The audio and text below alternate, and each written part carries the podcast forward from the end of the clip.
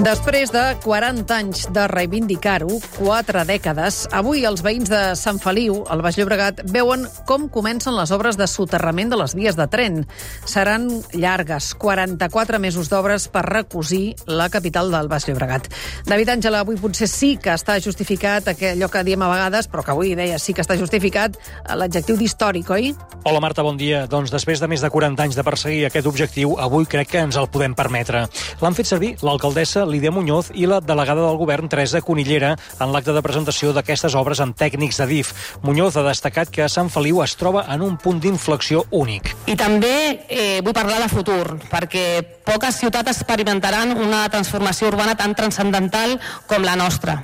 Poques ciutats es troben en un moment d'inflexió tan interessant com Sant Feliu, on a partir del projecte motor del soterrament de les vies del tren tindrem també una oportunitat única per construir plegats, plegades les ciutats que tot i totes volem. David, també heu pogut parlar amb els tècnics encarregats de fer l'obra i ja han demanat paciència i comprensió als veïns de Sant Feliu.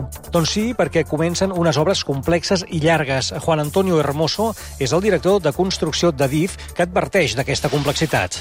La verdad es que esta obra va a tener momentos complicados, diría que casi casi permanente.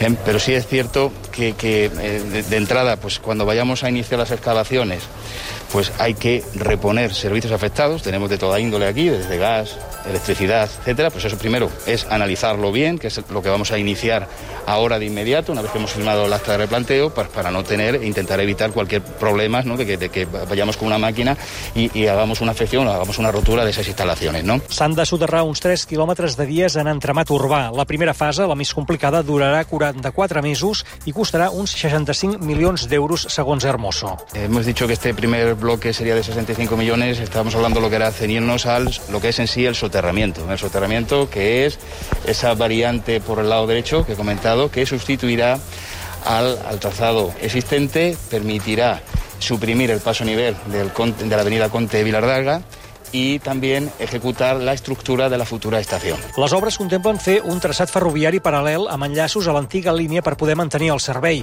i encara s'ha de resoldre el futur de l'estació històrica de Sant Feliu. El triaran els veïns en una consulta participativa els pròxims mesos.